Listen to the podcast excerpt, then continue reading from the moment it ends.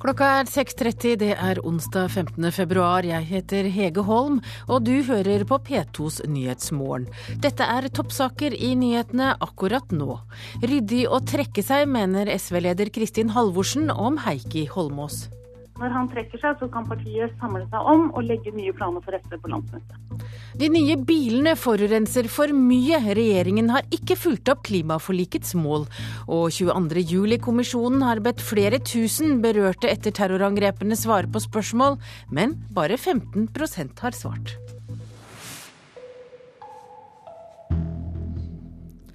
Riksadvokat Tor Aksel Busch åpner nå for at medier kan straffeforfølges for å videreformidle informasjon de har fått gjennom at andre har brutt taushetsplikten. Det skriver Dagbladet i dag. Tidligere i måneden ble det bl.a. vist nye bilder av Anders Behring Breivik. I et høringssvar til Medieansvarsutvalgets utgreiing skriver Riksadvokaten at det ikke nødvendigvis er opplagt at medias formidling av opplysninger de har fått tilgang til ved brudd på teieplikta, bør skje straffefritt. Ifølge Dagbladet sier han videre at han tror det vil bli vurdert nærmere med utgangspunkt i erfaringene fra 22.07. I går stadfesta Oslo tingrett at det er advokat Sigurd Klomsæt som blir etterforska for å ha i materiale i forbindelse med terrorsaka til pressa. Tidligere i måneden viste flere medier bilder av den terrorsikta like etter massedrapene på Utøya, og publiserte en rekke andre opplysninger fra hemmeligstempla dokument. Per Edgar Kokkvold i Norsk Presseforbund er svært kritisk til at Riksadvokaten åpner for at media kan straffes for det. Han sier til Dagbladet at dagens system fungerer svært godt, at følgen vil være at folk nøler med å gå til pressa med sine opplysninger, og at kjeldevernet er og bør være tilnærma absolutt. Og det sa reporter Ingvild Ryssdal. 22.07-kommisjonen har bedt flere tusen berørte av terroren 22.07 om å svare på hvordan de opplevde rollen til både styresmakter og media under og etter terrorangrepene på Utøya og i regjeringskvartalet. Og bare 15% har svart på denne undersøkelsen. Og leder av 22.07-kommisjonen, Alexandra Beck Gjørv, hva tenker du om svarprosenten? Ja, For det første så tenker jeg at det er synd at ikke dere fanger opp at 2900 av de departementsansatte, over 60% har ønsket å svare og har svart oss. Vår bekymring er at når det gjelder Utøya-ofrene, er det omtrent 15 som hadde svart per i går. Og det, På den ene side så ønsker jo ikke vi å legge press på ungdommer som har opplevd noe forferdelig til å svare hvis de syns det blir for tøft. Men på den annen side så er jeg litt bekymret for at 15% ikke gir et representativt syn på hva de mener om myndighetenes innsats. Så dere har ikke hatt problemer med å få svar fra de som var berørt i regjeringskvartalet, men det er altså Utøya som er problemet? Ja, og Forskjellen er jo at eh, de departementene har fått undersøkelsen direkte per e-post, men det har vi ikke adresser til for Utøya-ofrene, så derfor har vi måttet sende brev. Og jeg er jo litt bekymret for at veien fra fra brev til tastatur er lang, så derfor håper jeg at flere ser at det kan være en god idé å få dokumentert hva ofrenes syn er på myndighetenes innsats. Ja, hvilke konsekvenser kan det få for dere at det er så få som har svart fra Utøya? Men vår jobb er jo å legge til rette for at de som er berørt kan få gi sitt syn. Så sånn sett jo, har jo vi gjort den delen av jobben som ligger på kommisjonen. Det er mer en bekymring for at man i ettertid vil lese at ofrene mente si og så, og så er det mange ofre som ikke kjenner seg igjen. og Det syns jeg ville vært litt dumt. Men det... det blir jo antagelig et historisk dokument, og, og da er det viktig at det er et representativt syn som kommer frem. Hva slags spørsmål er dere stiller? Det er spørsmål både på hva den enkelte har opplevd, f.eks. hvordan fungerte skadestedsledelsen, hvordan var det på Sundvolden, ble registreringen gjort profesjonelt, fikk du kontaktperson i kommunen osv. Men det er også spørsmål knyttet til ofrenes eh, syn på de overordnede samfunnssikkerhetsspørsmålene. Hvordan fungerer overvåkning etter deres syn? Hvordan har regjeringsapparatets innsats vært? Hvordan har helsevesenets innsats og politiet osv.? Men tror du en av årsakene til at eh, mange av de unge ikke har svart, er at de bare orker ikke? Det var jo, I går kom det jo fram at veldig mange trenger psykologhjelp som ikke får det. At det er mange som har fått det verre? Nei, det, det, kan veldig godt være. Og vi har vært tydelige i alle brev og oversendelser og medieoppslag om at det er helt frivillig å delta, og at vi ønsker ikke å dytte på å retraumatisere noen, som det heter på fagspråket. Men jeg bruker denne anledningen til å fortelle at hvis man i ettertid blir lei seg hvis det er feil syn på myndighetenes innsats som kommer frem, så bør man bruke anledningen til å svare hvis man orker det. Da har du i hvert fall sendt en utfordring gjennom P2s Nyhetsmorgen. Takk til deg, leder av 22. juli-kommisjonen, Alexandra Bech Gjørv. SVs avtroppende partileder Kristin Halvorsen mener det var ryddig av Heikki Holmås å trekke seg fra lederkampen i partiet. Nå står eh, partiet samlet og kan stake ut kursen videre, sier hun. Jeg syns det er ryddig at Heikki Holmås nå trekker seg. Han har stor støtte i partiet, men Auduns støtte er eh, større. og når han trekker seg, så kan partiet samle seg om og legge nye planer for SV på landsmøtet. Det var i går kveld at Heikki Holmås hasteinnkalte pressen for å gi beskjed. Jeg har bestemt meg for å trekke meg som eh, kandidat. Ny partileder skal velges på et ekstraordinært landsmøte i mars. Og det blir altså Audun Lysbakken. Jeg har stor oppslutning blant folk, men Audun har enda større. Kristin Halvorsen har lagt vekt på å ikke blande seg opp i diskusjonen om hvem som bør overta ledertrøya i partiet. Og det er fordi jeg mener at en ny SV-leder må fortjene sin egen tillit i partiet, og ikke utpekes av en avgått leder. Nordland SV har vært en av Heikki Holmås' støttespillere. Fylkesleder Kjersti Markusson synes det er synd at han gir seg syns jeg er beklagelig, men det var ikke uventa. For etter en rekke fylkesårsmøter i helgen var det klart at Audun Lysbakken har flertallet bak seg, sier hun og SVs nå eneste lederkandidat. Han takker for kampen. Jeg har lyst til å takke Heikki for at han har gitt et fantastisk bidrag til en helt eh, unik prosess i vårt parti. Jeg tror hele norsk politikk sin historie. Ingen har hatt en sånn åpen lederkamp før. Det har eh, styrket SV. Nå har også Heikki satt eh, partiet først ved å trekke seg når han mener det ikke er grunnlag for å fortsette. Og Det betyr jo at vi nå kan bruke alle kreftene om å bygge det laget som skal gjenreise SV. Ja, det sa han som etter alle solmerker blir ny leder i SV, Audun Lysbakken, til reporter Katrin Hellesnes. Og idéhistoriker, forfatter og redaktør i nyhetsmagasinet Ny Tid, Dag Herbjørnsrud. Hvor overrasket var du over at Holmås ga opp kampen? Ja, De lå jo i kortene med tanke på det som skjedde i denne såkalte superweekenden. Eh, så mange ville jo si at det var et spørsmål om tid. Men han sa jo han skulle stå løpet ut? Ja, det sier de jo i USA også. Der sier de jo også at de skal bli president alle sammen. Eh, ti stykker på en gang. Så eh, noe må man jo si mens man holder på. Samtidig så, så har det jo også vært en overraskende stor støtte til Holmås med tanke på det utgangspunktet han hadde.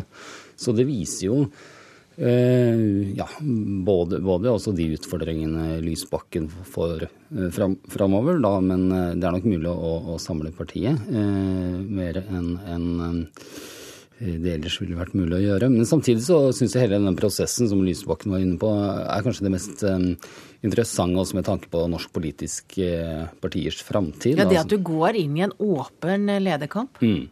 Ja, ikke sant. Og, og, det har jo kommet mange som sier at dette vil skade partiet, og man kan ikke ha debatt om slikt. Eh, og det, helt, det stemmer jo at det er uvant og nytt i norsk politikk, men samtidig så så, så, ser vi jo fra USA, som åpenbart uh, nesten kan ha vært en inspirasjon i den sammenhengen, her, sånn, at, at, det skaper jo et økt uh, engasjement. Og, og, det ser man jo oppe i, i nord. altså at Det er mange nye medlemmer som kommer til partiene. Og det trenger de jo, de ligger jo rundt sperregrensa. Tror du at dette kan være med på å øke oppslutningen om SV?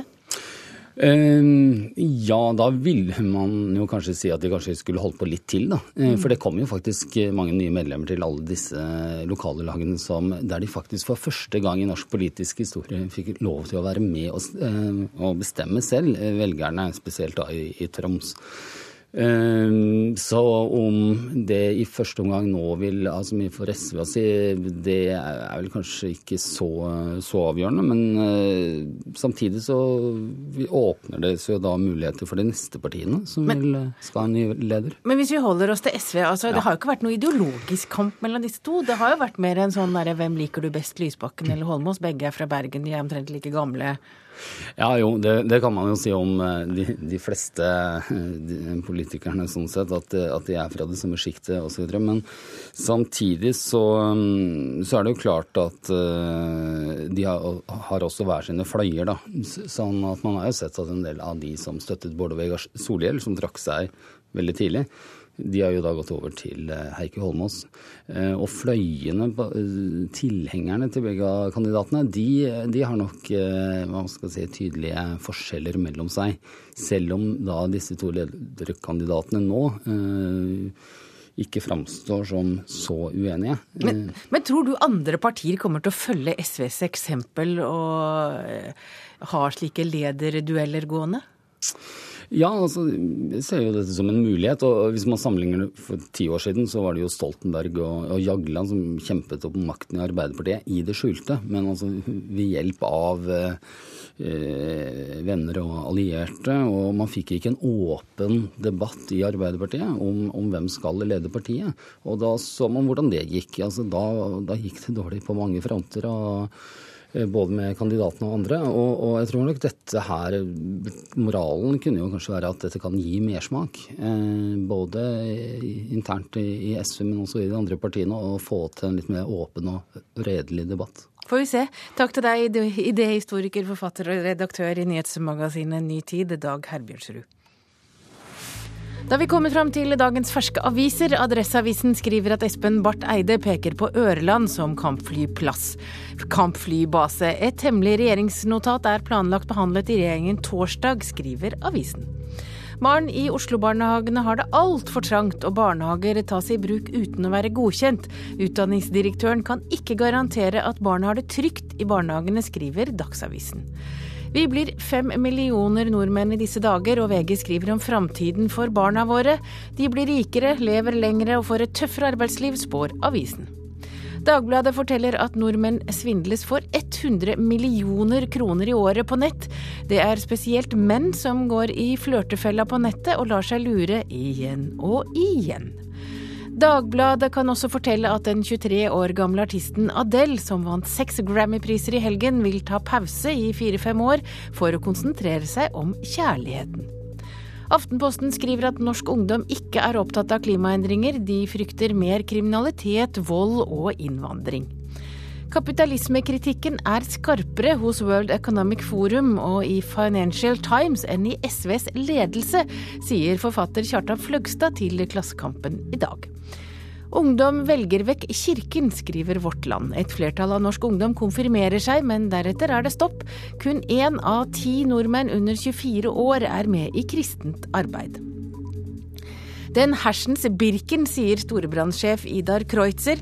Han må sette av mer penger fordi menn trener mer og lever lenger. Utbyttet til aksjonærene blir mindre, skriver Dagens Næringsliv. Og 17. mars går altså rennet fra Rena til Lillehammer.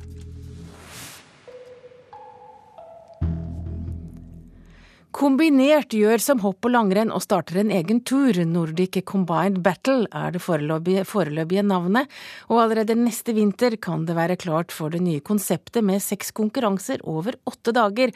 Det sier kombinertsjef i FIS, Lasse Ottesen. Vi mangler et høydepunkt eh, i, i sesongen, eh, i hvert fall nå når vi ser at vi har en 7-28 v-cuprenn gjennom sesongen, eh, og også sånn ligger det an for de neste to-tre sesongene. Både Tour Ski og hoppuka har blitt publikumsvinnere med årene med seertall på høyde med VM på ski, og derfor ønsker også kombinert å lage sin egen tour. Det er eh, skisteder i Frankrike, Tyskland og Østerrike som kommer til å arrangere Nordic Combined Battle. Foreløpig så er det Mellom-Europa som er eh, det jeg jobber med, eller det vi jobber med, i forhold til denne denne battle, som vi har valgt å kalle det. Mikko Kokslien sier han har stor tro på at dette kan bli en suksess. Ja, det, det tror jeg. Og for vår del også, så tror jeg det kan være litt artig å få lage litt mer show rundt, rundt noen renn i løpet av en sesong. Og det er jo planlagt for steder hvor det, hvor det kommer veldig mye publikum. da. Hvis vi Chanel i år så hadde vi jo 10 000-12 000 tilskuere. og da med en sånn tour så tror jeg det kan være med på å skape enda mer rundt eh, sporten her. Og landslagssjef Kristian Hammer mener en Tor er riktig vei å gå. Ja, vi er jo veldig positive til det. og jeg synes De har veldig mange spennende ideer i, i FIS nå i forhold til å bringe kombinert videre. så vi trenger et ekstra kick i tillegg til mesterskapene for å løfte kombinert videre. så Det er vi kjempepositive til. Kan det bli aktuelt å ha en sånn monsterbakke som i Tour de Ski? Ja, akkurat sånn som det ser ut nå, så blir det vanskelig å få til. Og Det er klart, det som også er litt viktig for oss, er at vi ønsker å skape vårt eget produkt i kombinert. Og ikke verken kopiere eller ta for mye etter Tour de Ski eller, eller hoppuka. Ja, Da får vi se hvordan det går, reporter Pål Thomassen. Du hører på Nyhetsmorgen i NRK P2 og Alltid nyheter. Klokka er 6.45, og dette er hovedsaker i nyhetene akkurat nå. Ryddig å trekke seg, mener SV-leder Kristin Halvorsen om Heikki Holmås. De nye bilene forurenser for mye, regjeringen har ikke fulgt opp klimaforlikets mål. Og de store bankene bryr seg bare om næringsutvikling i de store byene, sier småbanksjefer i Sogn og Fjordane.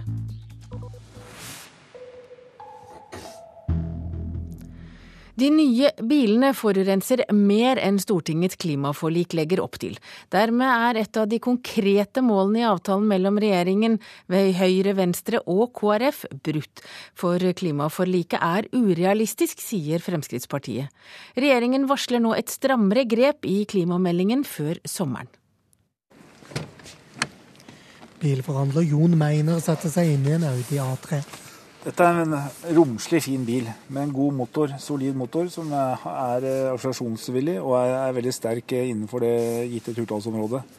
Og Her har du akselerasjon og her har du toppfart som overskrider langt det man har behov for i Norge. Bilen er likevel for liten for mange familiers behov. Den slipper ut 112 gram CO2 per kilometer, langt under klimaforlikets krav om 120 gram. Bilen har en hvit storebror SUV er fortsatt populært. og nå har Vi jo, vi får jo SUV i alle versjoner. og Den står her borte. Q5 er ikke grønn. Så har vi et utslipp her på 184 gram. Alle partiene utenom Frp signerte klimaforliket i 2007.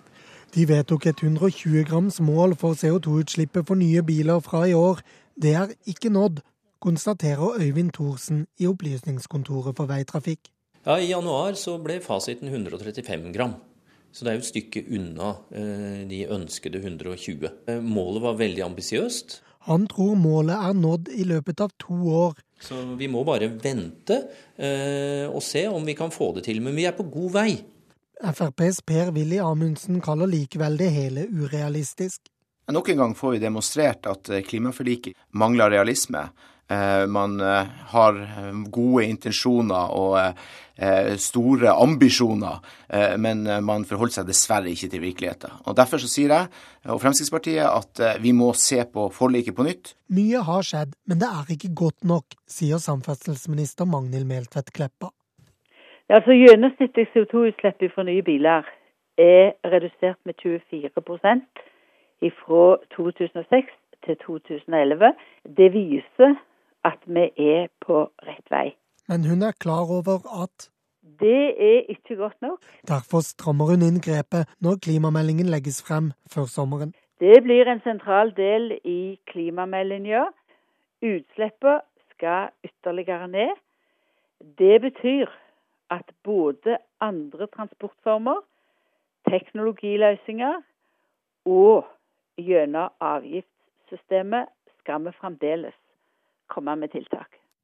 Og det sa Magnhild Meltveit Kleppa til reporter Lars Nehru Sand. Leder i Miljøstiftelsen Zero, Einar Håndlykken. Har du noen gode råd til Kleppa når hun skal, forud, når hun skal redusere utslipp fra biler? Ja, det er å satse aller mest på utslippsfrie biler. Altså Én ting er det vi har, som har vært fokus i reportasjen her, som er Ja, Betyr det å sette opp avgifter på de som ikke er utslippsfrie? Nei, men altså? En ting er på en måte å bruke, eller satse på de forurensende bilene, den bilparken vi har i dag, med fossil bensin og diesel. Og Det regjeringa har hatt mye fokus på, er å prøve å presse utslippene fra den type biler litt ned. Og man har lyktes noenlunde med det, men ikke kommet til mål på målet sitt. Men det er klart det viktigste vi kan gjøre, det er å gjøre tilgjengelig kjøretøy som ikke forurenser. Altså elbiler på batteri, hydrogenbiler og biodrivstoff. For så lenge det å kjøre bil er lik at du forurenser, så har klimaet et veldig stort problem. Men skal regjeringen støtte produksjon av den slags type biler, da? Eller skal de gi eh, reduksjon i avgifter for de som kjøper dem? Ja, vi har jo allerede verdens beste rammevilkår på elbil, så det skal eh, regjeringa ha veldig sterk honnør for. Der har det blitt gjort en veldig god innsats, og det har også blitt satt opp mye ladepunkter de siste åra. Det er veldig positivt. Eh, men vi vet jo på biodrivstoff, da, som kanskje er den teknologien som kunne tatt størst markedsandeler nå på kort sikt, der eh, har jo man gjort det motsatte, hvor man har økt avgifta på biodiesel. Så det er veldig negativt. Også ja, Når de endelig fikk folk til å bruke det, så satte de opp avgiftene. Så... Ja, veldig veldig dårlig signal, som også er med å skape usikkerhet på andre områder. Og så har vi hydrogen, som er en teknologi som vi ser og har veldig trua på. Hvor man er avhengig av at myndighetene gjør, et, eh, gjør, en innsats med å få opp infrastruktur, altså få pumper. For når pumpene kommer, så kommer bilindustrien med veldig gode biler. Hva synes du om at politikerne ikke klarte å nå klimamålet om 120 eh, grams utslipp? Nei, Det er jo synd. Eh, men man skal jo, jeg syns absolutt regjeringa skal ha honnør for at man har fått til en del på det området. Men som sagt så har den strategien en veldig stor begrensning. For så lenge du har fossilt drivstoff på tanken, så er det vanskelig å få utslippet veldig langt ned under 100 gram. Man er avhengig av å satse på helt andre drivstoff, altså ikke-fossile, klimavennlige drivstoff. Batterier, hydrogen, biodrivstoff. Det er veien å gå, og da må vi ehm, ja, satse ganske mye mer enn vi har gjort det nå i Norge. Vi har gjort en god jobb på batterier og elbil. Men, men biodrivstoff er, det, er um... Men elbil er ikke det. Er, det er da bare en bil for de store byer. Du kan jo ikke komme så langt uh, med en elbil. Og ut fra størrelsen så er det ikke så lett å ta den med til hytta eller handle stort. Nei, Dagens elbil er jo en nummer to-bil, kanskje. Men det er jo om lag en million nordmenn som uh, har to biler. Så hvis vi fikk alle de til å kjøpe seg elbil som nummer to-bil, så har vi kommet veldig langt. Så finnes det jo også nå batteribiler med en motor i tillegg som gjør at du, kan, eh, som gjør at du har eh, rekkevidde når du er tom på batteriet. Så den type ladbare hybrider er veldig interessante. Og så har vi jo disse biodrivstoff-etanolbilene. Jeg kjører en sånn sjøl. Hvor du da kan kjøre på et fornybart drivstoff og kjøre så langt du vil. Og hvis du ikke får tak i etanol, så kan du fylle bensin på tanken. Så Hvorfor ikke bare droppe bil, da? Ta kollektivtransport isteden? Ja, Det er jo det aller beste. Men uh, bilen har nok kommet for å bli i det landet vårt. Så vi tror jo at det å klare å få fram biler som ikke har utslipp, det vil være den viktigste strategien. Takk til deg, leder i Miljøstiftelsen, Zero Einar Håndlykken. De store bankene glemmer bedriftskunder i distriktene og bryr seg bare om storbyene. Det mener samtlige banksjefer i småbanker i Sogn og Fjordane. Småbanksjefene ønsker seg mer konkurranse og sier at utviklingen er farlig for det lokale næringslivet. Vi syns det er litt eh, merkelig at eh, de større bankene kun skal være i de større byene. Det sier gründer Odd Birkeland i suksessvirksomheten Maritim Montering i Bygstad i Sogn og Fjordane. For ingenting har han bygd opp ei bedrift med 230 ansatte som leverer designløsninger for skip over hele verden. En skulle tro at storbankene kjemper om slike kunder. Men bare én en enslig gang på 30 år har han blitt kontakta av en av de store nasjonale bankene. Fikk en delegasjon med flotte dresskledde karer på besøk. Og eh, gikk, hadde en gjennomgang på, på de tjenestene de kunne da tilby. Men Birkeland sier lang vei til hovedkontoret og få lokalt ansatte gjorde at han forblei kunde hos sin lokale bank. Vi skjønte at det kom til tyngre, større avgjørelser, så, eh, så var ikke dette banken å snakke med. Samtlige fire små sparebanker samt de to regionbankene i Sogn og Fjordane slår nå alarm, fordi de får for liten konkurranse. De mener de store nasjonale bankene som DNB er nærmest usynlige i kampen om bedriftskundene. Vi møter de sjeldnere i eh, konkurransen om bedriftskundene i Sogn og Fjordane. Det sier regionbanksjef i Sparebanken Vest, Olaf Fjelle. Banksjefene mener dette kan gå utover små bedrifter i bygdene. For oss så ser det ut som at det konsentrerer seg om eh, næringslivet i de store byene. At det er det som er mest aktuelt. Nylig la bl.a. Innovasjon Norge fram en analyse av næringslivet for Sogn og Fjordane, der tilgangen på kapital til småbedrifter blir pekt på som en stadig mer kritisk faktor for de små bedriftene. Også administrerende banksjef i Sparebanken Sogn og Fjordane, Arvid Andenes, etterlyser mer konkurranse. Jeg liker det ikke, for jeg tror ikke at vi blir en god bank som monopolistbank i Sogn og Fjordane. Jeg ønsker sterkere konkurranse. Det er jo dette her småskalabiten der som jeg er bekymra for i forhold til fremtidig tilgang på kapital og risikovilje. Men informasjonsdirektør Thomas Midteid i DNB mener de satser på distriktene. Ja, vi kjenner oss ikke igjen i det. Eh, DNB hadde 10 vekst eh, når det gjelder utlån til små og mellomstore bedrifter i fjor.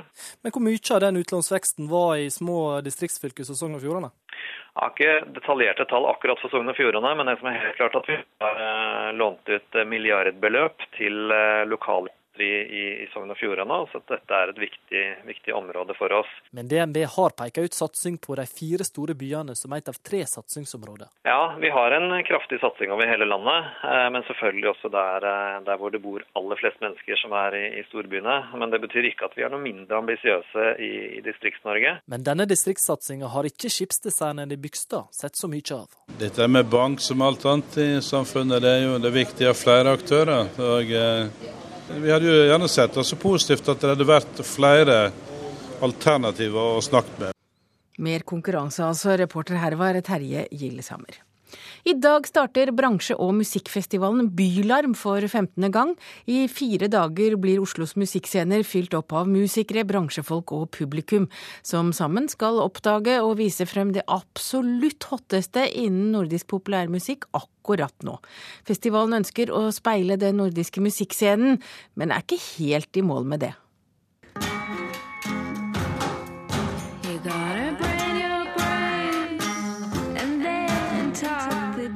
Det Byland betyr for meg, er jo at eh, altså, det gir en mulighet til å bli sett mye mer av internasjonale aktører. Og da på en måte utvikle et større nettverk, da. Hanne Hukkelberg deltar på Bylarm for tredje gang på åtte år. Hun slipper sitt nye album om få dager. Hun ønsker å få bandet sitt ut på veien, bli booket til konserter og gjøre musikken hun skriver, kjent. Da er Bylarm 600 internasjonale delegater fra plateselskaper, festivaler, forlag og bookingagenter viktige.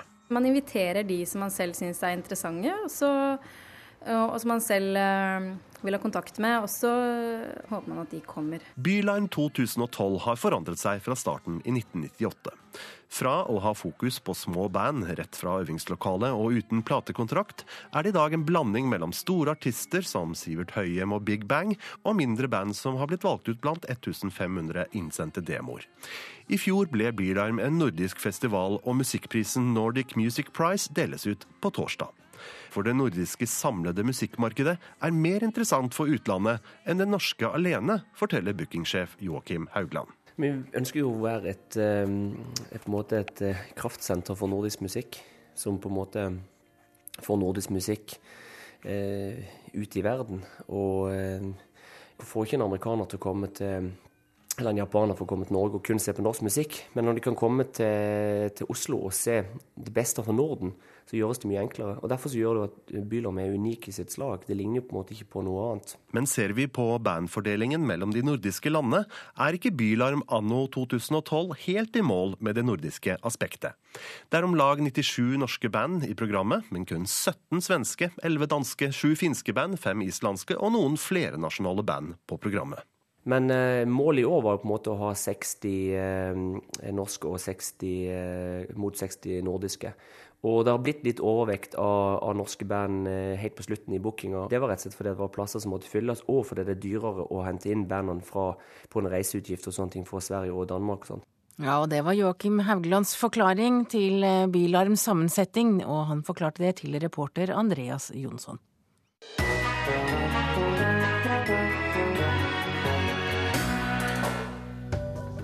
Vikarlærer Kjetil Vangen mista jobben fordi han lager volds- og voldtektsfilmer på fritida. I tillegg så hadde han gitt støtteerklæringer til Anders Behring Breivik på sin private Facebook-konto. Men hvor går grensa mellom profesjon og privatperson? Det snakker vi om i Radioselskapet etter Dagsnytt klokka 11. Og da har vi kommet fram til et værvarsel som gjelder til midnatt.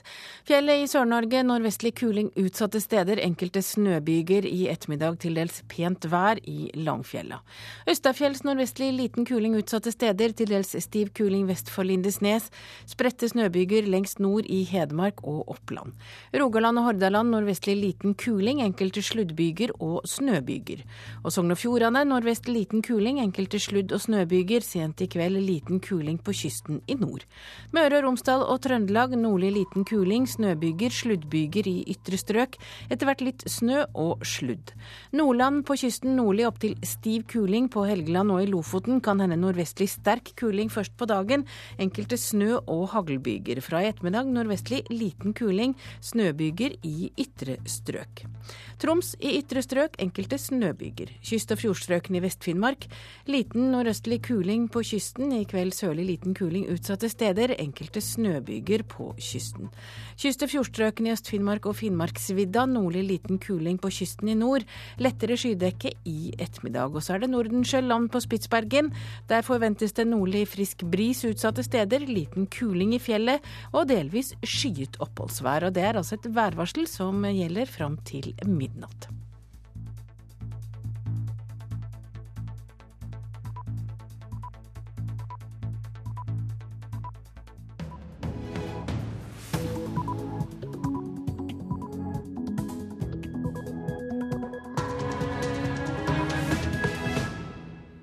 Klokka er sju, du hører på Nyhetsmorgen. Jeg heter Hege Holm, og her er en nyhetsoppdatering. Mulla Krekar bør bli dømt for terrorisme, krever påtalemyndigheten. Det er truet med at dersom et lovlig norsk vedtak blir effektuert, så vil det skje gjengjeldelse i form av drap her i landet. Og det sier førstestatsadvokat Marit Bakkevik, og i dag starter rettssaken mot Krekar. Riksadvokaten åpner for at mediene kan straffes for å formidle informasjon de har fått gjennom at andre har brutt taushetsplikten. Norske kommuner er klare for mer sammenslåing, sier, led sier lederen i kommunenes interesseorganisasjon Gunn Marit Helgesen.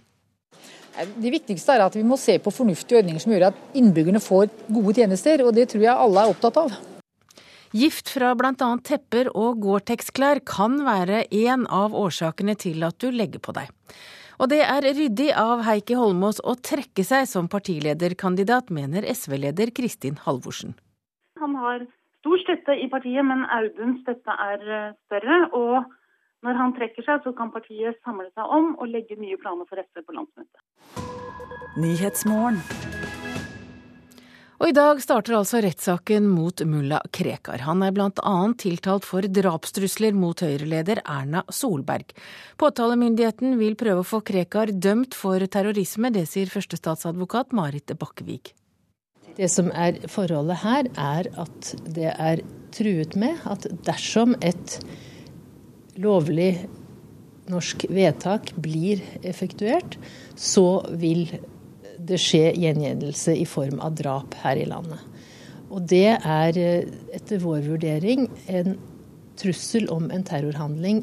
Krekar er bl.a. anklaget for trusler mot Erna Solberg, framsatt på et internasjonalt pressemøte i 2010.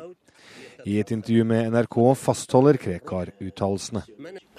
Jeg angrer ikke på dikt jeg skrev for 30 år siden, ikke på taler jeg holdt for 20 år siden, og heller ikke på uttalelser jeg kom med for 20 måneder siden. Det betyr at du står fast ved de uttalelsene? Ja, helt klart. Krekars mangeårige advokat Brynjar Meling er overrasket over at påtalemyndigheten vil ha klienten hans dømt for terror. Jeg mener at rettslig sett så er ikke dette terror. Eh, og det kommer jeg til å argumentere for, eh, og kommer til å komme ganske klart fram tidlig både i utspørringen av Krekar og ikke minst i prosedyren til slutten av saken, hva vi mener om dette.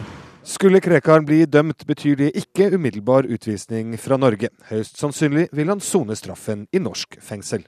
Og Det sa reporter Joakim Reigstad. Og Hanne Skartveit, du er politisk redaktør i VG. Og i går fikk vi altså se mulla Krekar i et helt ferskt intervju med Viggo Johansen her i NRK. Hvilket inntrykk fikk du av Krekar i intervjuet? Det er jo den Krekar vi har sett tidligere. Han står på alt han har sagt. Han uh, står fast med disse truslene han har kommet med mot uh, Erna Solberg. Uh, det ble jo 2007 fastslått av Høyesterett at han er fare for rikets sikkerhet, og det er den samme Krekar vi ser nå. Ja, Han fremstår jo ikke akkurat som noen angrende synder. Hva forteller det deg? Hva slags, hva slags oppgave er det han har?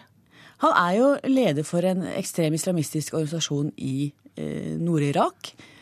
Han har oppført seg på måter i Nord-Irak tidligere. Ledet en Taliban-lignende gruppe der, som har angivelig gjort grove overgrep mot folk i de områdene. Han eh, forakter alt vårt styresett, eh, vårt samfunn. Og han har da altså truet eh, norske politikere og andre mennesker i Norge. Ja, han sa jo han var veldig fornøyd med Norge, men han kunne bare ikke utstå politikken og politikerne. Ja, Han liker menneskene, men ikke samfunnet vårt. Bør han regnes som en trussel og en fare for oss? Høyesterett har jo slått fast det, og det er ingenting som jeg kan se som har endret seg siden Høyesterett slo dette fast i 2007. Men altså, politikerne vil jo ha ham ut av landet. Det er et utvisningsvedtak mot ham. Hvorfor er han her fortsatt? Det er fordi Norge er en rettsstat, og Norge har viktige prinsipper. Vi skal ikke sende noen til et land hvor det risikerer dødsstraff. Eh, og det må vi jo stå på. Samtidig så er det et dilemma at han da går fritt rundt i gatene. For noen år siden så intervjuet jeg sønnen til presidenten i Irak, Talibani. Og han uh, sa det, Samuel Krekar sa med en gang det er, han må ut. Det er en skam at han går fritt i gatene i Oslo. Og det at han går fritt rundt når han er en fare, det tror jeg provoserer veldig mange mennesker både i Norge og ikke minst i Irak, og kurdere i Norge. Men nå sa han jo i går at han sitter inne i et fengsel i leiligheten han har fått utdelt? Ja, men han sitter i hvert fall ikke i fengsel, han er i hvert fall ikke innelåst under ordentlig kontroll. Han snakker om å dra til Somalia og lære bort arabisk. Ja, Somalia har han jo mange meningsfeller. Problemet hans hvis han vil reise til eh, Somalia, er at han skal mellomlande mange steder hvor han da eventuelt vil eh, bli tatt av eh, myndighetene i andre land. sånn at det er ikke så lett for han, men det er ikke et sted han vil seg, føle seg hjemme. ja. Men, men du, altså, vi, er, vi er en rettsstat, og det vil vi være. Og dermed må vi gjøre det vi gjør. Så Hannes Kartei, du, du er jo, det er jo litt selvmotsigende, da. At på den ene siden så vil vi ikke at han skal gå rundt oss og være en frimann, og på den andre siden så vil vi heller ikke sende han ut hvor han kan risikere dødsstraff. Det er fordi at vi har prinsipper som han ikke har. Vi tror på menneskets ukrenkelighet. Vi mener at dødsstraff er feil, og det må vi stå fast på. Men det er provoserende at han fortsatt uh, går rundt på den måten han gjør. Men hvis han blir dømt nå, da, hva skjer da? Ja, Da må han jo i fengsel. Og da blir han i hvert fall eh, satt inn? Ja. Men blir han sone her, eller? Det er uvisst. Det vil jeg tro, men det er altfor tidlig å si noe om. Takk til deg, Hanne Skartveit. Eh, og du har også fulgt denne saken, og du er politisk redaktør i VG. Kommunene åpner nå for sammenslåing. Kommunegrensene ble tema på landstinget til KS denne uken, og nå er det mange som sier at det er behov for endringer. Det sier nyvalgt KS-leder Gunn Marit Helgesen. Det viktigste er at vi må se på fornuftige ordninger som gjør at innbyggerne får gode tjenester, og det tror jeg alle er opptatt av. Og da kan det hende at en del plasser så må det mer sammenslåing til. Det kan godt tenkes blir resultatet. Alle kommuner er medlemmer i KS. Sammenslåinger har vært et svært vanskelig tema i den tverrpolitiske organisasjonen. Men på landstinget denne veka ble det blåst liv i temaet, og til slutt vedtok kommunene en tekst som skildrer paradokset med at kommunene har fått store nye oppgaver, at kommunikasjoner og samarbeid har endra seg, mens kommunestrukturen i hovedsak er den samme som i 1978. Og det vi ser er at det popper opp eh, mye interkommunale selskaper, mye interkommunalt samarbeid, som på mange måter blir et demokratisk, kan bli et demokratisk problem. KS ber nå sine egne medlemskommuner vurdere om det er en ideell kommunestruktur i deres region. Den nye lederen Helgesen mener et annet viktig tema framover bør være om staten ikke bør tilby mer fristende økonomiske gulrøtter til kommuner som slår seg sammen. Jeg tror iallfall det kan være noe å diskutere. fordi eh, Det er iallfall ikke så mange som gjør det hvis de vet at eh, den nye kommunen får mindre enn de to atskilte kommunene. Kommunene var knapt seg sjøle om de ikke var opptatt av lokaldemokratiet. Derfor understreker KS at kommunegrenser bør endres etter gode lokale prosesser. Men KS slår nå også fast at Stortinget kan sette rammer for langsiktige endringer i kommunestrukturen. Det kan virke innlysende, men i denne forsamlinga er det slett ikke ukontroversielt å vedta noe slikt, vedgår Gunn Marit Helgesen, som representerer Høyre. Tidligere så har man jo fått eh, holdt å si, klaps på finger, eller på hånda ved at man tok opp debatten. Jeg vet jo Ola Ullern prøvde på det i sin tid. Eh, så Sånn sett så har det jo vært bevegelse også i KS. Senterpartiet sine KS-delegater var skeptiske til deler av vedtaket. Salangen-ordfører Ivar B. Prestbakmo ville at kommunene utvetydig skulle understreke ordet frivillig når det var snakk om kommunegrenser. Den kampen tapte faktisk Sp-benken. Det som Senterpartiet syns er litt pussig, er at man ikke, flertallet i landstinget, kunne gå med på å ta inn prinsippet om at det skulle være frivillige lokale prosesser. Det betyr at noen vil kunne si at her åpner man for tvangssammenslåingsprosesser. Du er redd for at, dere, at kommunene sjøl har åpna tvangsdøra her? Ja, jeg er i hvert fall redd for at eh, noen kan se det som at KS har åpna tvangsdøra her. Ja, reporter her var Håvard Grønli. Miljøgifter fra bl.a. tepper og Gore-Tex-klær kan være en av årsakene til at du legger på deg. Det viser ny forskning fra Danmark som Folkehelseinstituttet har vært med på. Forsker Line Småstuen Haug hos Folkehelsa sier de fant en tydelig sammenheng mellom miljøgiften PFOA målt hos mor under svangerskap og overvekt hos jentene de fødte. Om det er impregnert i en Gore-Tex-jakke eller i et teppe, miljøgiften PFOA finnes i mange importvarer. Nå viser ny dansk forskning, utført i samarbeid med Folkehelseinstituttet, at høy blodkonsentrasjon av dette stoffet hos mor under svangerskap gir større sjanse for at datteren senere blir overvektig. Det sier Line Småstuen Haug. Det vi eh, fant, det var at um, de 25% av mødrene som hadde høyest nivå av PFOA, der var det tre ganger større sannsynlighet for at døtrene hennes ble eh, overvektige ved 20 års alder. Og det er en ganske sterk, eh, et sterkt funn. Denne undersøkelsen er gjort på danske kvinner. Eh, hvordan er sammenhengen til Norge? Eh, det vi kan si, er at de nivåene som, eh, som disse mødrene hadde på slutten av 80-tallet, de danske mødrene, de var helt tilsvarende som det kvinner, nei, norske kvinner hadde, hadde også på 80-tallet. Eller slutten av 80-tallet. Vi får i oss PFOA ved at stoffene er vanskelig å bryte ned ute i naturen, og dermed igjen blir tatt opp av oss gjennom mat og luft.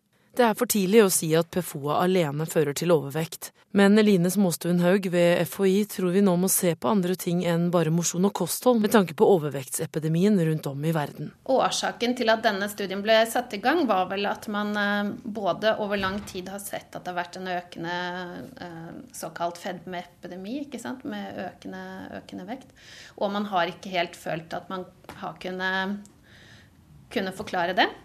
Nei, det er vel det mange av oss har visst, at fedme vet vi ikke helt hvor kommer fra. Men eh, nå er det i hvert fall ett svar som er gitt. Men seksjonssjef hos Klima- og forurensningsdirektoratet Heidi Morka, hva tenker du om den undersøkelsen?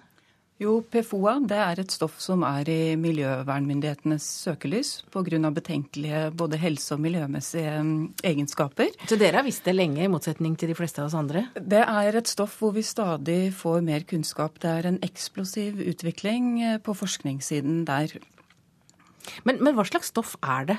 Det er et såkalt perfluorert stoff, hvor det er eh, fluoratomer eh, bundet til karbonatomer, som gjør at det er veldig tungt nedbrytbart. Og det er en stor gruppe stoffer hvor dette er ett av de som produseres i stort omfang og brukes i stort omfang. Ja, og det var da altså i klær bl.a. i Gore-Tex og Sånne ja. ytterklær som er veldig populært å bruke. Ja, det stemmer. Og tepper. Det er um, fett og smuss og vannavstøtende og har veldig gode kjemiske egenskaper i forhold til um, den type produkter hvor vi ønsker spesielle egenskaper. Men kan du si noe om hva som skjer når det treffer kroppen vår, når vi får det i oss?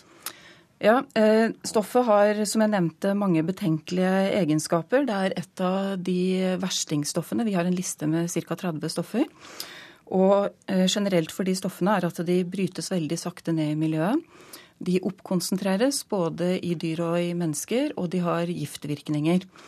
Så eh, er de da påvist både i blod og i morsmelk, og også i navlestrengsblod. Og de effektene de stoffene kan ha, det er f.eks. på reproduksjon og eh, har kreftutvikling. Og det er et totalbilde som gjør at eh, vi har fokus på stoffene og ønsker å få de regulert. Ja, Når jeg hører deg, så tenker jeg jo at dette burde jo absolutt bli forbudt. Ja, og det jobber vi for. Men det er jo importerte varer, da? Det er hovedsakelig importerte varer. Det er ingen produksjon av disse stoffene i Norge. Men eh, de har også sånne egenskaper som gjør at de blir langtransportert. Så det er viktig for oss eh, hvordan de produseres i andre land. Eh, og nå er det også sånn at eh, vi jobber hovedsakelig internasjonalt for å regulere disse verste miljøgiftene, fordi det har størst effekt. Da blir det jo mange land som eh, får en felles bestemmelse, og det har også betydning da for disse importerte produktene og hva vi får på markedet i Norge. Ja, Er dere i ferd med å få gjennomslag? Helt konkret så har vi for flere år siden fremmet et forslag om å klassifisere og merke dette stoffet sammen med flere andre fluorerte forbindelser. Og det er i ferd med å bli ferdigstilt i EU nå, hvor vi har fått støtte i en vitenskapskomité for det norske forslaget. Det betyr jo at det er generell enighet i EU om det. Så får vi se hva som skjer. Takk til deg, seksjonssjef hos Klima- og forurensningsdirektoratet, Heidi Morka. Klokka er 7.13. Du hører på Nyhetsmorgen i NRK P2. Dette er hovedsaker akkurat nå. Riksadvokaten åpner for at mediene kan straffes for å formidle informasjon de har fått gjennom at andre har brutt taushetsplikt. Mulla Krekar bør bli dømt for terrorisme, mener påtalemyndigheten. I dag begynner rettssaken mot ham. Og de nye bilene forurenser for mye. Regjeringen har ikke fulgt opp klimaforlikets mål. Forholdet mellom Hellas og EU surner til. I går vakte det oppsikt at EUs finansministre avlyste et møte i Brussel i dag, hvor de skulle vedta en ny krisepakke til Hellas. Men nok en gang er EU ikke fornøyd og avlyste møtet. Og europakorrespondent Hege Mo Eriksen, du er i Aten. Hva slags reaksjoner er det kommet derfra på EUs avgjørelse om å avlyse, eller i hvert fall utsette møtet? Ja, grekere føler at EU ikke verdsetter eh, anstrengelsene deres. En av ministrene sier, sa i går at eh, Hellas har gjort umenneskelige anstrengelser, og at de rett og slett ikke klarer mer. Det greske parlamentet vedtok altså på søndag en eh, gedigen sparepakke, tross voldsomme gateprotester. Men likevel er ikke EU fornøyd. De krever en politisk garanti for at disse kuttene faktisk vil bli gjennomført. også etter etter valget, og uavhengig av hvem som vinner dette valget, som skal holdes i april. Og så krever de at Hellas tetter et hull i budsjettet på 325 millioner euro. Og gjør de ikke det innen mandag, ja, så får de ingen krisehjelp. Og de har altså fått utsatt denne fristen som var til i dag, til mandag med å klare dette. Men søndag så vedtok jo altså nasjonalforsamlingen nye tøffe kutt trass kraftige protester på gata. Hva mer er det EU krever at Hellas eh, skal gi for at de skal få krisehjelp?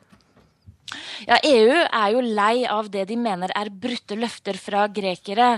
Det er en rekke reformer og innsparinger som er lovet, men som ikke da er blitt eh, satt i gang. Og man krever altså bl.a. denne skriftlige garantien for at disse nye innstrammingene som ble vedtatt på søndag, at de faktisk eh, blir iverksatt. Men den jevne greker føler nå at de presses til randen av det de kan klare å bære. Og vanlige folk i middelklassen merker nå kutt i lønninger og i pensjoner. Eh, og vi kan høre hva en dame som jeg snakket med i går, fortalte på gata i Aten. Uh, my, uh, my pension is 50% down. Um, I am civil engineer, diploma civil engineer. I have worked uh, 36 years, and my salary, my pension, is now 50% down more more. Ja, her hørte vi en litt misfornøyd greker, men hvordan reagerer de fleste på at EU dikterer nye kutt gang på gang? Ja, Det som er spesielt i Hellas nå, er at det er et veldig sinne mot spesielt Tyskland. Eh, I gårsdagens utgave av en høyrepolitisk avis for eksempel, så er Angela Merkel tegnet i naziuniform. Og både politikere og vanlige folk som jeg snakker med her i Aten, de sier rett ut at de tror Tysklands regjering, altså ikke folket, men tyske politikere, er ute etter å ta Hellas. Og eh, flere grekere som jeg snakket med i går, sier at man føler at eh, Hellas nå på nytt er er okkupert av Tyskland, som vi skal høre her. Uh, yes, I saw the other day they were burning the German flag uh, outside Parliament. This hadn't happened. Uh, they usually burned an American flag, but German flag, it's something new, and I think we will see more of it. I, I also feel uh, anger against Germany. Ja, Her hørte vi altså en mann fortelle at det tyske flagget brennes i Hellas, og at det er, vil, det er et sinne man vil få se lenge fremover. Takk til deg, Hege Mo Eriksen. Forskningssjef ved NUPI, Iver B. Neumann, slakter oljefondets etiske råd. Det skriver Dagens Næringsliv. Neumann mener også at oljefondets investeringer er en potensiell bombe i norsk utenrikspolitikk. Og reporter Line Tomter, hva er det Neumann mener er problemet? Ja, eh, ved, Forskningssjefen ved Utenrikspolitisk institutt han mener det er veldig problematisk at oljefondet investerer i mange selskaper som har en etisk profil som vi i Norge her egentlig er kritiske til. Neumann mener oljefondets linje med kun å maksimere penger bør oppta norske politikere i mye større grad. Ja, hvilke typer selskaper er det vi snakker om? Det er selskaper som tjener penger på, på, bekostning av menneskerettigheter og den slags. På lørdag annet skrev Dagens Næringsliv om at fondet har investert 11,5 milliarder kroner i 15 selskaper som produserer utstyr som avlytter og overvåker informasjon. Og denne teknologien den kjøpes av regimer som Syria og Iran til å spore opp, overvåke og forfølge opposisjonelle. Og det må jo man peke på som utfordringen, er at Norges Bank lar seg styre kun av økonomisk ekspertise når de foretar investeringene, og at de mangler blikk for problemstillinger som ikke er av økonomisk art. Men har ikke oljefondet som mål å tjene mer penger, da? Ja, de har jo det. Det er det som er litt av utfordringen her. Og det er jo en motsetning mellom kyniske investeringer og det bildet Norge forsøker å skape av seg selv i utlandet som en global tilhenger av demokratiske verdier og likestilling. Men når det kommer opplysninger om at fondets investeringer er i strid med politikken som føres utad, så er det sjelden man gjør noe med disse investeringene, selv om fondet da tidvis trekker seg ut av et og annet selskap. Ja, hvilken rolle er det oljefondets etiske råd spiller? Ja, De skal jo nettopp gi råd om å trekke seg ut av selskaper som opptrer uetisk. Men det Neumann mener er at dette etiske rådet for det meste er til pynt, og at det ikke tar noe særlig samfunnshensyn. Forskningssjefen han etterlyser at oljefondet ansetter rådgivere som har noe annet enn en snever økonomisk bakgrunn. Hvorfor er det så lite debatt om oljefondets investeringer eh, dersom de egentlig er så kontroversielle? Vi liker jo å få mer penger, men det kan virke som det har blitt en allmenn aksept for at Norge opptrer som en kynisk superkapitalist, og at de fleste her i landet de applauderer når oljefondet vokser i omfang, og bidrar til å sikre at eh, pengebingen vår blir større. Ja, takk til deg, reporter Line Tomter. I dag møter alle de 48 ordførerne i Hedmark og Oppland til en ny runde i debatten om sammenslåing av sykehus. Mange får lengre reisevei hvis det blir ett sentralisert sykehus for begge fylker, men det er ikke sikkert avstand har så stor betydning hvis bare sykebilen kommer fram i tide. Medisinsk nødtelefon. Har han noe kjent hjerte-lungesykdom fra før? Kjent hjertesvikt. Ja.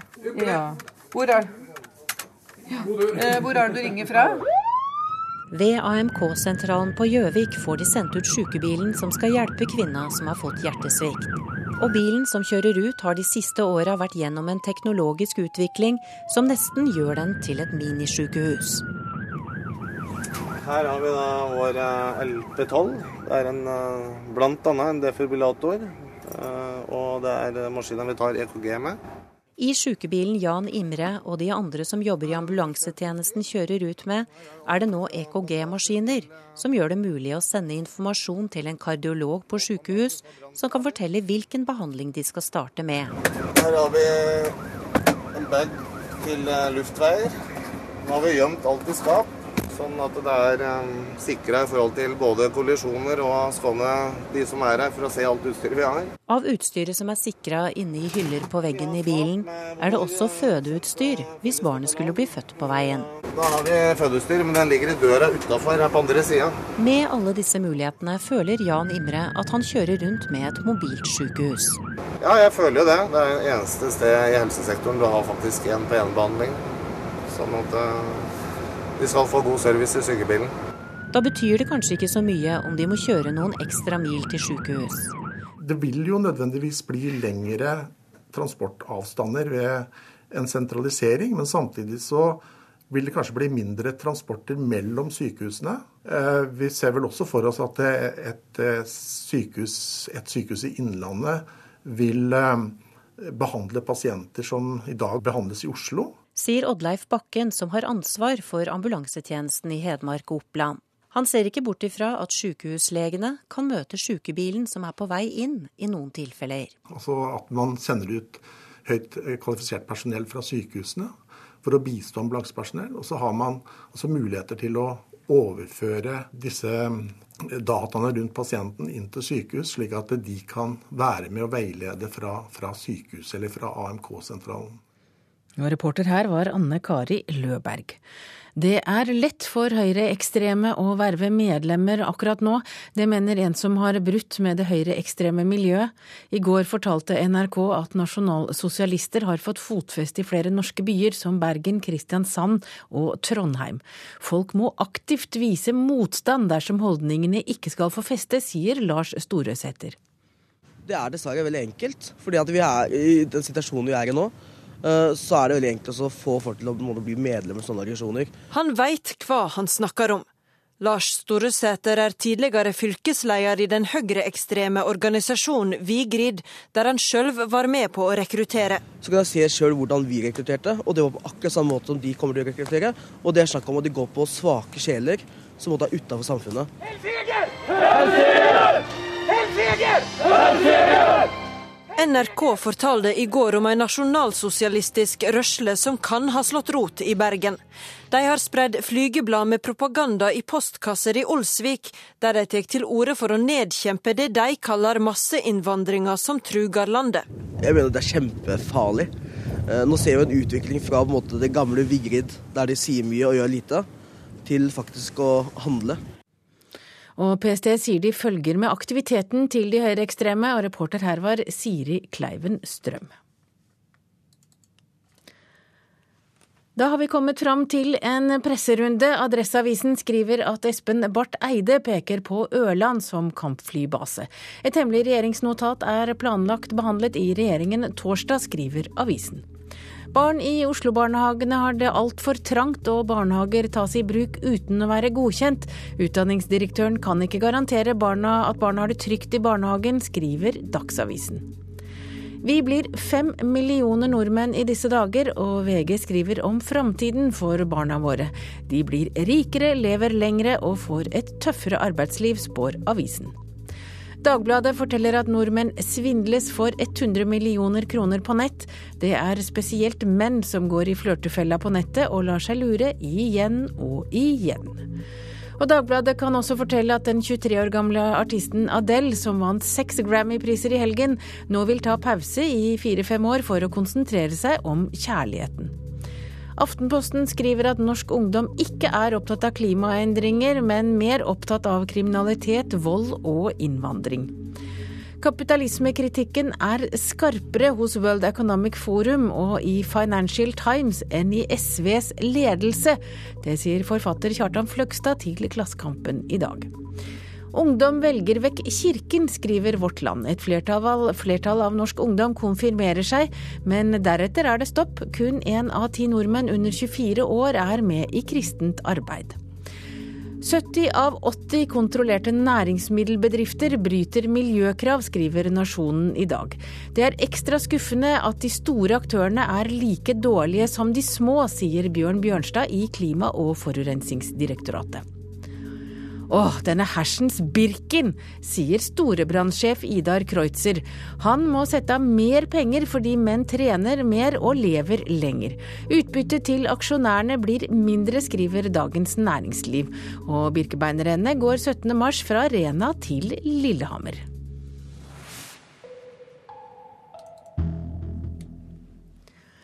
I Saudi-Arabia er 143 mennesker arrestert for å ha feiret valentinsdagen.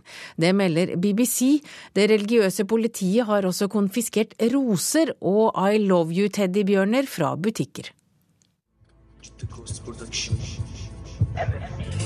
غابت عني الضحكة المدة طعم الفرحة صار يوحشني باب الحب كنت ناوي أسده لكن حبك كان يمنعني Songen 'Jeg trenger ikke valentindagen' er en protest mot at det ikke er lov til å feire kjærleiken i Saudi-Arabia. Forbudet ble innført med en fatwa i 2008 som sier at valentindagen er for de svake og fantasiløse. Og siden den tid har det religiøse politiet tjenestevillig håndheva forbudet. Det betyr at roser, teddybjørner med påskrifta I love you eller røde hjerter, ja, egentlig det meste som har et raudskjær i seg, nådeløst blir konfiskert fra butikker og kjøpesenter. Det religiøse politiet, som kaller seg Organisasjonen for å fremje dyder og bekjempe ondskap, sier de har straffa alle valentinsynderne de har fakka så langt, men at jakta så vidt har begynt. I et sekssiders skriv forklarer det religiøse politiet at formålet med operasjonen er å redde kvinner fra uredelige menn som dekker seg bak valentindagen for å føre kvinner bak lyset ved å gi inntrykk av at de er sitat harmløse lam. Ifølge BBC ble 143 personer arresterte for å ha feira den syndige valentindagen.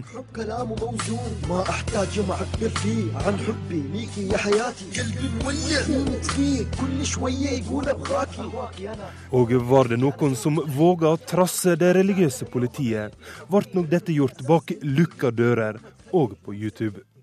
Ja, det er ikke alltid like ufarlig å feire valentinsdagen. Reporter her var Roger Severin Bruland. Du hører altså på Nyhetsmorgen i NRK P2 og Alltid nyheter. Og etter Dagsnytt skal vi til India, der Rigmor Aasrud har vært for å der Rigmor Aasrud har vært for å se på IT-satsingen til India, særlig med tanke på å utstyre 1,2 milliarder mennesker med nasjonalt ID-kort. Og Politisk kvarter, der kommer Heikki Holmås, og jeg heter Hege Holm, produsent Elin Pettersen. Hør ekko. I Malmö står en ung gutt med hetta over hodet, pistolen i lomma. Klar for å jakte på en morder. Han som skyter folk, bare la han komme, den lille rotta, sier han. Så skal vi se om han er mann nok. Ekko 9 til 11 i NRK P2.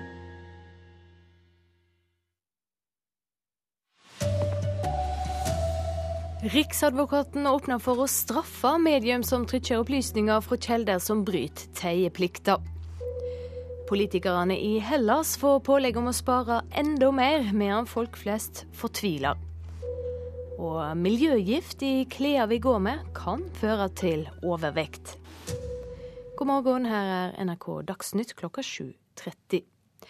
Det må vurderes om det skal være straffbart for media å videreformidle informasjon som er kommet fram ved brudd på tredjeplikta. Det mener altså riksadvokat Tor Aksel Busch. Riksadvokaten mener spørsmålet bør utgreies fordi han er uroa over lekkasjer til media. Det skriver Dagbladet. Harald Stanghelle, leder i Redaktørforeninga, synes dette er et dårlig forslag. Det er et veldig dårlig forslag eh, å gjøre det straffbart å videreformidle eh, taushetsbelagte opplysninger. Det gjør media hver dag fra eh, politikk, ifra næringsliv, ifra politi, ifra ulike deler av, av, samfunnet. Det er en del av den demokratiske prosessen. Det er en del av de ventilene et samfunn må holde seg med. Å gjøre dette til straffbart også å videreformidle, det vil sette oss tilbake. Terrorangrepene 22.07 preger nyhetsbildet hver dag. Tidligere i måneden viste flere medier bildet av den terrorsikta like etter massedrapene på Utøya, og publiserte en rekke andre opplysninger fra hemmeligstempla dokument. Politiet ville finne ut hvem som lag til pressa. I går stadfesta Oslo tingrett at bistandsadvokat Sigurd Klomsæt blir etterforska for å leke materiale i forbindelse med terrorsaka. I dag skriver Dagbladet at statsadvokat Tor Aksel Busch åpner for at media kan bli straffa for å publisere opplysninger de har fått tilgang til ved brudd på teieplikta. Det er lederen i Norsk Presseforbund svært kritisk til. Per Edgar Kokkvold sier til avisa at han synes dagens system fungerer svært godt, at følgen vil være at folk nøler med å gå til pressa, og sier at kildevernet er og bør være tilnærma absolutt. Reporter Ingvild Ryssdal. Avtroppende partileder i SV, Kristin Halvorsen, mener det var ryddig av Heikki Holmås å trekke seg som lederkandidat. Nå kan SV samle seg om å stake ut kursen videre, sier Halvorsen. Jeg syns det er ryddig at Heikki Holmås nå trekker seg. Han har stor støtte i partiet, men Auduns støtte er større. og når han trekker seg, så kan partiet samle seg om og legge nye planer for SV på landsmøtet. Det var i går kveld at Heikki Holmås hasteinnkalte pressen for å gi beskjed. Jeg har bestemt meg for å trekke meg som kandidat. Ny partileder skal velges på et ekstraordinært landsmøte i mars. Og det blir altså Audun Lysbakken. Jeg har stor oppslutning blant folk, men Audun har enda større. Kristin Halvorsen har lagt vekt på å ikke blande seg opp i diskusjonen om hvem som bør overta ledertrøya i partiet. Og det er fordi jeg mener at en ny SV-leder må fortjene sin egen tillit i partiet, og ikke utpekes av en avgått leder. Nordland SV har vært en av Heikki Holmås støttespillere. Fylkesleder Kjersti Markusson synes det er synd at han gir seg. Det syns jeg er beklagelig, men det var ikke uventa. For etter en rekke fylkesårsmøter i helgen var det klart at Audun Lysbakken har flertallet bak seg, sier hun. Og SVs nå eneste lederkandidat, han takker for kampen. Jeg har lyst til å takke Heikki for at han har gitt et fantastisk bidrag til en helt uh, unik prosess i vårt parti. Jeg tror i hele norsk politikk sin historie. Ingen har hatt en sånn åpen lederkamp før. Det har uh, styrket SV. Audun Lysbakken til reporter Katrin Hellesnes. Hellas balanserer stadig på kanten av stupet etter at landets egen spareplan er forkasta som for dårlig. Finansministrene i eurosona avlyste sent i går kveld et planlagt møte i dag, fordi Hellas ikke har gjort nok. Det stiller de greske politikerne seg uforstående til. Vi har gjort det vi kan. Folket makter ikke mer. Nå må EU ta ansvar for Hellas. For Hellas har gjort sin del av jobben, sier en skuffa politiminister Christos Papoutsis, etter det ble klart at eurosonelandene avlyser krisemøte i dag, fordi de ikke er nøgde med den greske spareplanen. De gjev nå Hellas frist til mandag på å komme med et skriftlig forslag om hvordan de har tenkt å spare 325 millioner euro i 2012. Skjer ikke dette, vil EU la Hellas gå konkurs, noe som alt kan skje neste måned. Tyskland, Finland og Nederland har ifølge Financial Times mista tålmodet med Hellas, og mener landet bare kan gå konkurs. Det sa reporter Roger Severin Bruland. Og vår europakorrespondent Hege Mo Eriksen rapporterer fra Aten at grekerne flest er fortvila. Ja, grekere føler at EU ikke verdsetter eh, anstrengelsene deres. En av ministrene sier, sa i går at eh, Hellas har gjort umenneskelige anstrengelser, og at de rett og slett ikke klarer mer. Eh, og vi kan høre hva en dame som jeg snakket med i går, fortalte på gata i Aten. Uh, my, uh, my pension is 50% down. Um, I am. I have worked uh, 36 years, and my salary, my pension, is now 50% down, and it's going more and more down. Vi skal hjem igjen. Nye biler uregner mer enn Stortingets klimaforlik legger opp til. Dermed er et av de konkrete målene i avtalen mellom regjeringa, Høyre, Venstre og KrF bråte. Politikerne sitt mål var at nye biler fra i år skulle slippe ut 120 gram CO2 per km. Men slik er det ikke, sier Øyvind Thorsen i Opplysningskontoret for veitrafikk. Ja, I januar så ble fasiten 135 gram. Så det er jo et stykke unna eh, de ønskede 120. Så vi må bare vente eh, og se om vi kan få det til. Men vi er på god vei. Miljøgift, bl.a. fra tepper og Gore-Tex-klær, kan være en av årsakene til at du legger på deg. Det viser en dansk studie som Folkehelseinstituttet har vært med på. Forsker Line Småstuen Haug sier de fant en tydelig sammenheng mellom miljøgift målt hos mor under svangerskap og overvekt hos jentene som ble fødte. Vi har funnet at eh, det er en sammenheng eh, i denne studien mellom den eh, mengden av denne miljøgiften PFOA og sjansen for at hennes døtre blir overvektige ved 20-årsalder. Om det er impregnert i en Gore-Tex-jakke eller i et teppe, miljøgiften PFOA finnes i mange importvarer. Nå viser ny dansk forskning, utført i samarbeid med Folkehelseinstituttet, at høy blodkonsentrasjon av dette stoffet hos mor under svangerskap gir større sjanse for at datteren senere blir overvektig. Det sier Line Småstuen Haug. Det vi eh, fant, det var at um, de 25 eh, av mødrene som hadde høyest nivå av PFOA, der var det tre ganger større sannsynlighet for at døtrene hennes ble eh, overvektige ved 20 års alder. Vi får i oss PFOA gjennom mat og luft, og det er et farlig stoff, det vet seksjonssjef Heidi Morken ved Klima- og forurensningsdirektoratet alt om. Målet er å stanse bruk og utslipp av de stoffene innen 2020.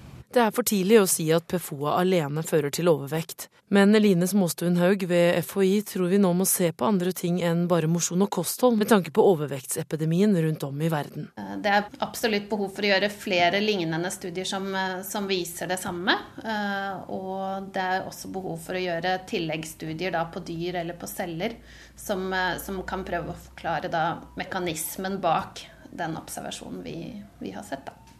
Reporter Ellen Borge Christoffersen. Det har blåst sterkt langs vestlandskysten i natt, men det er så langt ikke meldt om personskader. Rundt midnatt var vinden oppe i 29 meter i sekundet på Sotrabrua, og politiet var på plass der for å følge med på trafikken. Flere fjelloverganger er nå stengte, og i Sogn og Fjordane er totalt ti veier stengt pga. ras, fare for ras eller uvær. Den nye snøbrettparken på Tryvann i Oslo er helt avgjørende for rekrutteringa. Det mener snøbrettstjerna Andreas Ygre Vik. Tilbudet for ungdom i Norge har vært for dårlig til nå, men med VM har Norge fått et anlegg i verdensklasse, mener han. Så det her er jo sikkert per dags dato akkurat nå eh, den beste pipen som er å finne i verden. Så det her eh, det er jo en helt ny start. Det er jo noe helt nytt. Også Thomas Harstad tror VM-anlegget på Tryvann vil gi resultater etter mesterskapet. Landslagssjefen mener tomrommet etter Torstein Horgmo og Kjersti Buås vil bli fylt opp med nye talenter i tida framover. Absolutt. Vi har jo uh, hatt litt manko på rekruttering av pipekjørere de siste åra. Uh, og det er fordi vi ikke har hatt en superpipe i Norge, som amerikanerne har opptil flere av. Men uh, på lang sikt så tror jeg at vi kan få dyrka opp noen kjempegode kjørere på, på sikt. Reporter her, det var Marianne Kvamme Amengoa. Ansvarlig for eh, Dagsnytt denne morgenen, Hans Jørgen Solli. Teknisk ansvarlig, Frode Thorshaug. Her i studio sto Silje Sande.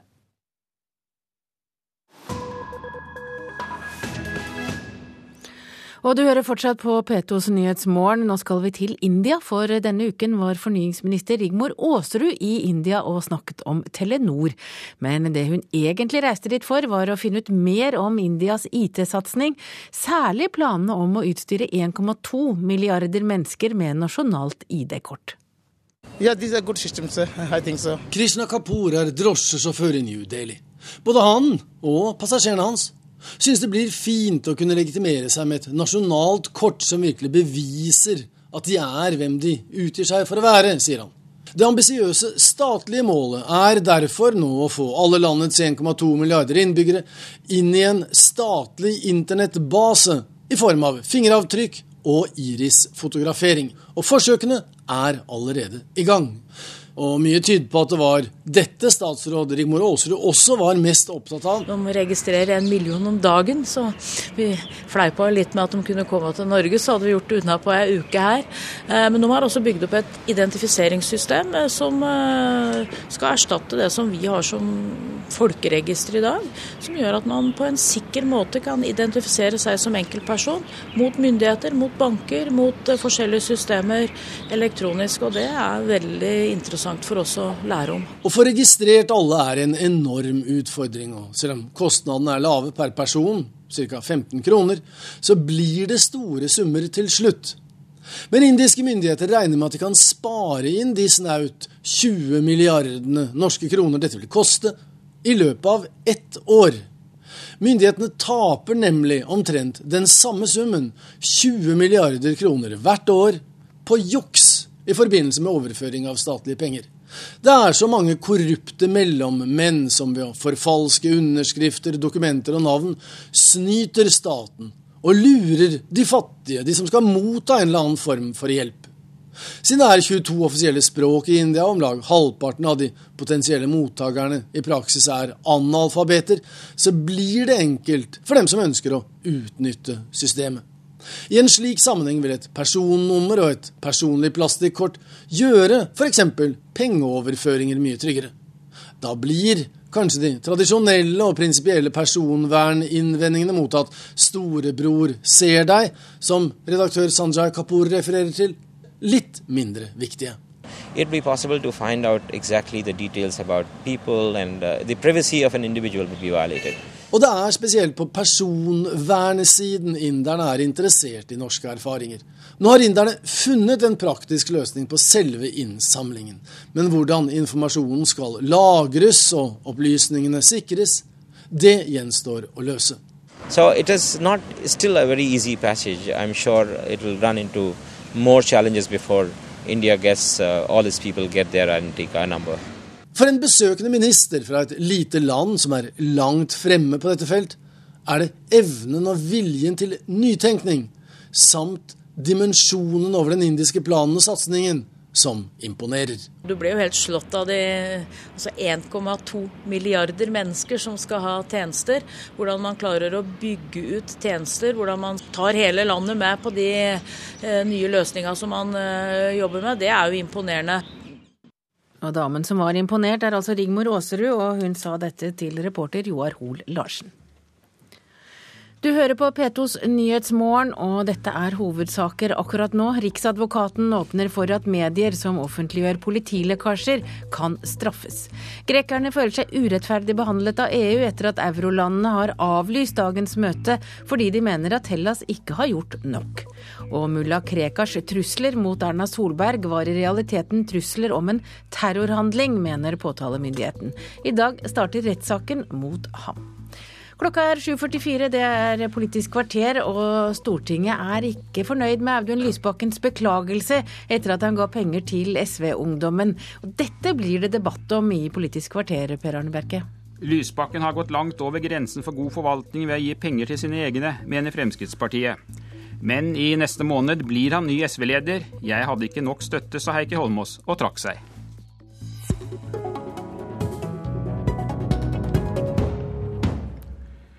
Før helgen la barne- og familieminister Audun Lysbakken seg flat som ei pannekake, og beklaget at han hadde gitt penger til SV-ungdommens selvforsvarskurs for jenter, uten at bevilgningen på forhånd var lyst ut. Men beklagelsen er ikke nok for Stortinget. I går ettermiddag bestemte en enstemmig kontrollkomité seg for å undersøke saken videre. Og leder i kontrollkomiteen, Anders Anundsen fra Fremskrittspartiet, hva er det du ønsker å oppnå? Ja, dette er en sak som dreier seg om langt mer enn Lysbakkens uh, beklagelse. Det er bra at han uh, beklaget uh, en opptreden som ser ut til å være, eller som er kritikkverdig.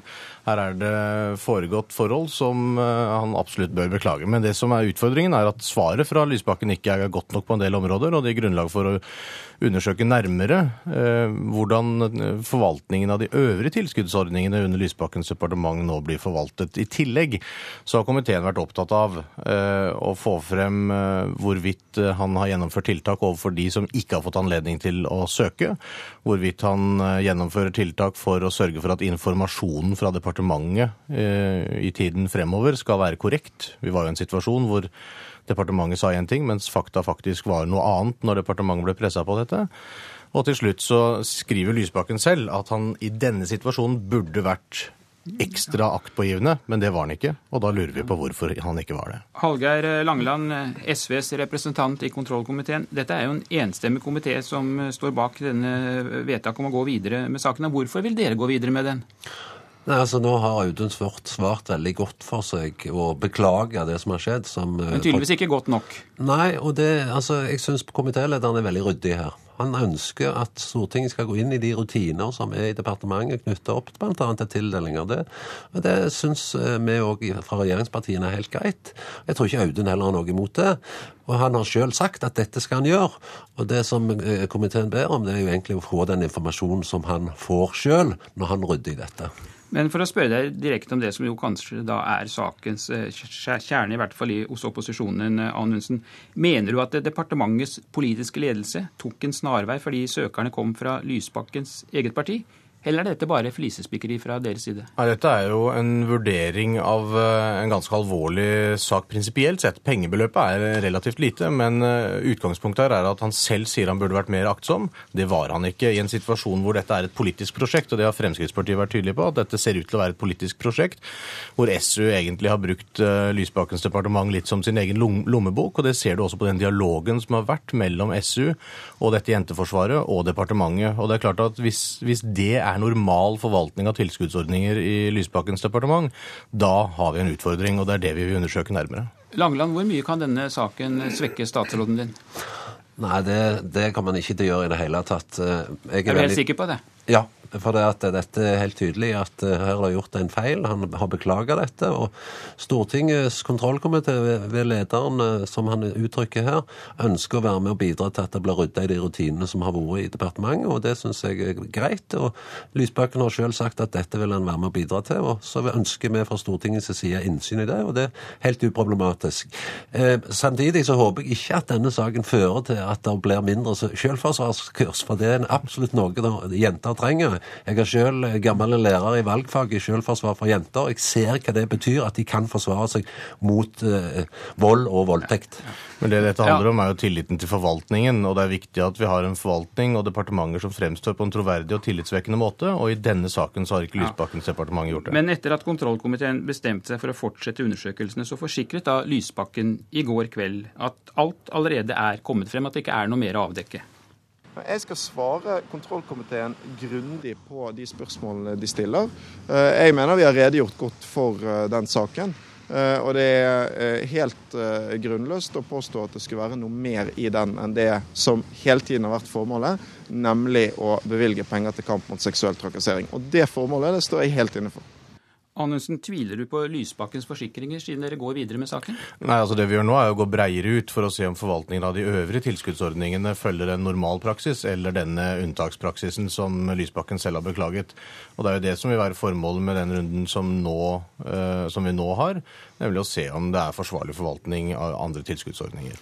Og det, så, så det, Den beklagelsen og det Lysbakken har sagt så langt, det har ikke jeg noen grunn til å tvile på, men jeg vil undersøke det for å være sikker. Og det har ikke SV og kontrollkomiteens flertall noe imot. Vi er enige med Anundsen i dette. og Det er veldig greit for Audun òg, og Lysbakken òg, å komme ut og få rydda i dette synlig, sånn at Stortinget får innsyn i de rutiner som har vært, og de rutiner som skal bli. Hannessen, nå er jo ikke stortingsmiljøet helt fremmed for taktikkeri og politisk spill, for å si det litt forsiktig. Hvilken betydning har det at opposisjonen er av sjanse til å påføre en kommende partileder et nederlag? Vi driver ikke på den måten i kontroll- og konstitusjonskomiteen, og det viser jo også eh, det faktum at det er en enstemmig komité som står bak denne forsendelsen. Det syns jeg er veldig positivt, og det viser at også posisjonen tar kontrolloppdraget sitt på alvor. Men det er, men det er dere det er, som kjører saken? Men det er klart at det er ikke noe heldig for noen statsråd å ha en pågående forundersøkelse i kontroll- og konstitusjonskomiteen, men disse undersøkelsene kan altså resultere med ingenting, eller det kan resultere i at den går videre. Det er litt for tidlig å si. Sånn at um, akkurat på det nåværende tidspunkt så fremstår det vel i hvert fall fra mitt ståsted som at vi har en statsråd som er, har vært presset til å gå, korrigere opplysninger som er kommet fra departementet tidligere. Jeg syns det er synd at de har satt seg i en sånn situasjon, for det svekker tilliten til forvaltningen. Og vi trenger en forvaltning som har tillit hos folk. Jeg håper inderlig at ikke opposisjonen er ute i det ærendet at de skal svekke vår kommende leder i, i partiet. Det, det, har jeg ikke oppfatta det som så langt. Jeg har oppfatta det som komiteens leder som er i front på dette, at han ønsker ryddighet i forvaltningen. Han ønsker å se hva Lysbakken nå gjør av ryddede ting, og det, det, har vi vært med på å imøtekomme. Så nå får kontrollkomiteen svar fra Lysbakken igjen, og det, vi, det blir helt sikkert ryddig. Men Langland, Langeland, dette kan jo ende med at det blir åpnet sak mot Lysbakken i komiteen. Hva vil det bety for ledervalget hvis han samtidig som han skal velges til leder, må sitte i en åpen høring i Stortinget og forklare seg om påståtte uregelmessigheter i bruken av skattepengene? Som sagt, jeg regner ikke med det blir noen høring eh, på denne saken her. Eh, Audun og Lysbakken har svart ryddig til komiteen så langt. Jeg regner med han fortsetter med det, og da blir dette en ikke-sak ganske raskt. Når vi får svar til Stortinget, det forutsetter jeg. Men at vi har høringer på andre saker, vi skal jo ha høring på statlig eierskap f.eks., det, det er viktig ja. å ha. Men i denne saken har jeg ingen tro på at det eh, blir en høring. Anundsen, tror du dette ender med en ikke-sak? Nei, Det er for, for, tidlig å si om kontroll- og konstitusjonskomiteen vil åpne sak og gå videre med det. Det må en jo vente på det neste svaret for å ta stilling til. Men at dette er en ikke-sak, mener jeg er feil. Dette er en sak, eh, og det har vært en sak. Og det er åpenbart at det er begått feil. Og det er jo årsaken til at vi må undersøke dette nærmere. Eh, hvorvidt eh, en i neste runde da sier at dette er såpass alvorlig, eller at det dukker opp ytterligere funn i den oppfølginga som komiteen nå har, så vil det jo kunne være aktuelt å åpne sak. Men det er altså for tidlig å konkludere med nå. Det stemmer. Jeg er helt enig med komiteen i dette. At nå venter vi på svar fra Lysbakken. Han har sendt et ryddig svar tidligere, og sender helt sikkert et godt og ryddig svar i fortsettelsen. Så dette tror jeg går helt greit. Men hva skal til for at det blir åpnet sak? Nei, Det er også litt tidlig å konkludere med, men det er klart hvis du finner ytterligere feil og mangler i forvaltning av tilskuddsordninger, så vil det være alvorlig. Fordi tilskuddsordninger eh, generelt har vært eh, kritisert forvaltningen av, av Riksrevisjonen ved flere anledninger tidligere i flere departement. Og hvis det er såpass gæli som det denne ene konkrete saken tyder på, så har vi en stor utfordring i tilskuddsforvaltningen. Men jeg håper ikke det er tilfellet. Jeg håper jo vi kommer i en situasjon hvor en kan gjenoppreise en del av den tilliten som nå er svekket i Lysbakkens departement. Og nå får vi jo innsyn i de tildelingsprosedyrer som har vært, om de har vært gode nok. Og så tar vi det derfra. Jeg tror at vi nå får et grundig, nok et grundig svar fra statsråden, og at vi kan berolige Stortinget med det svaret.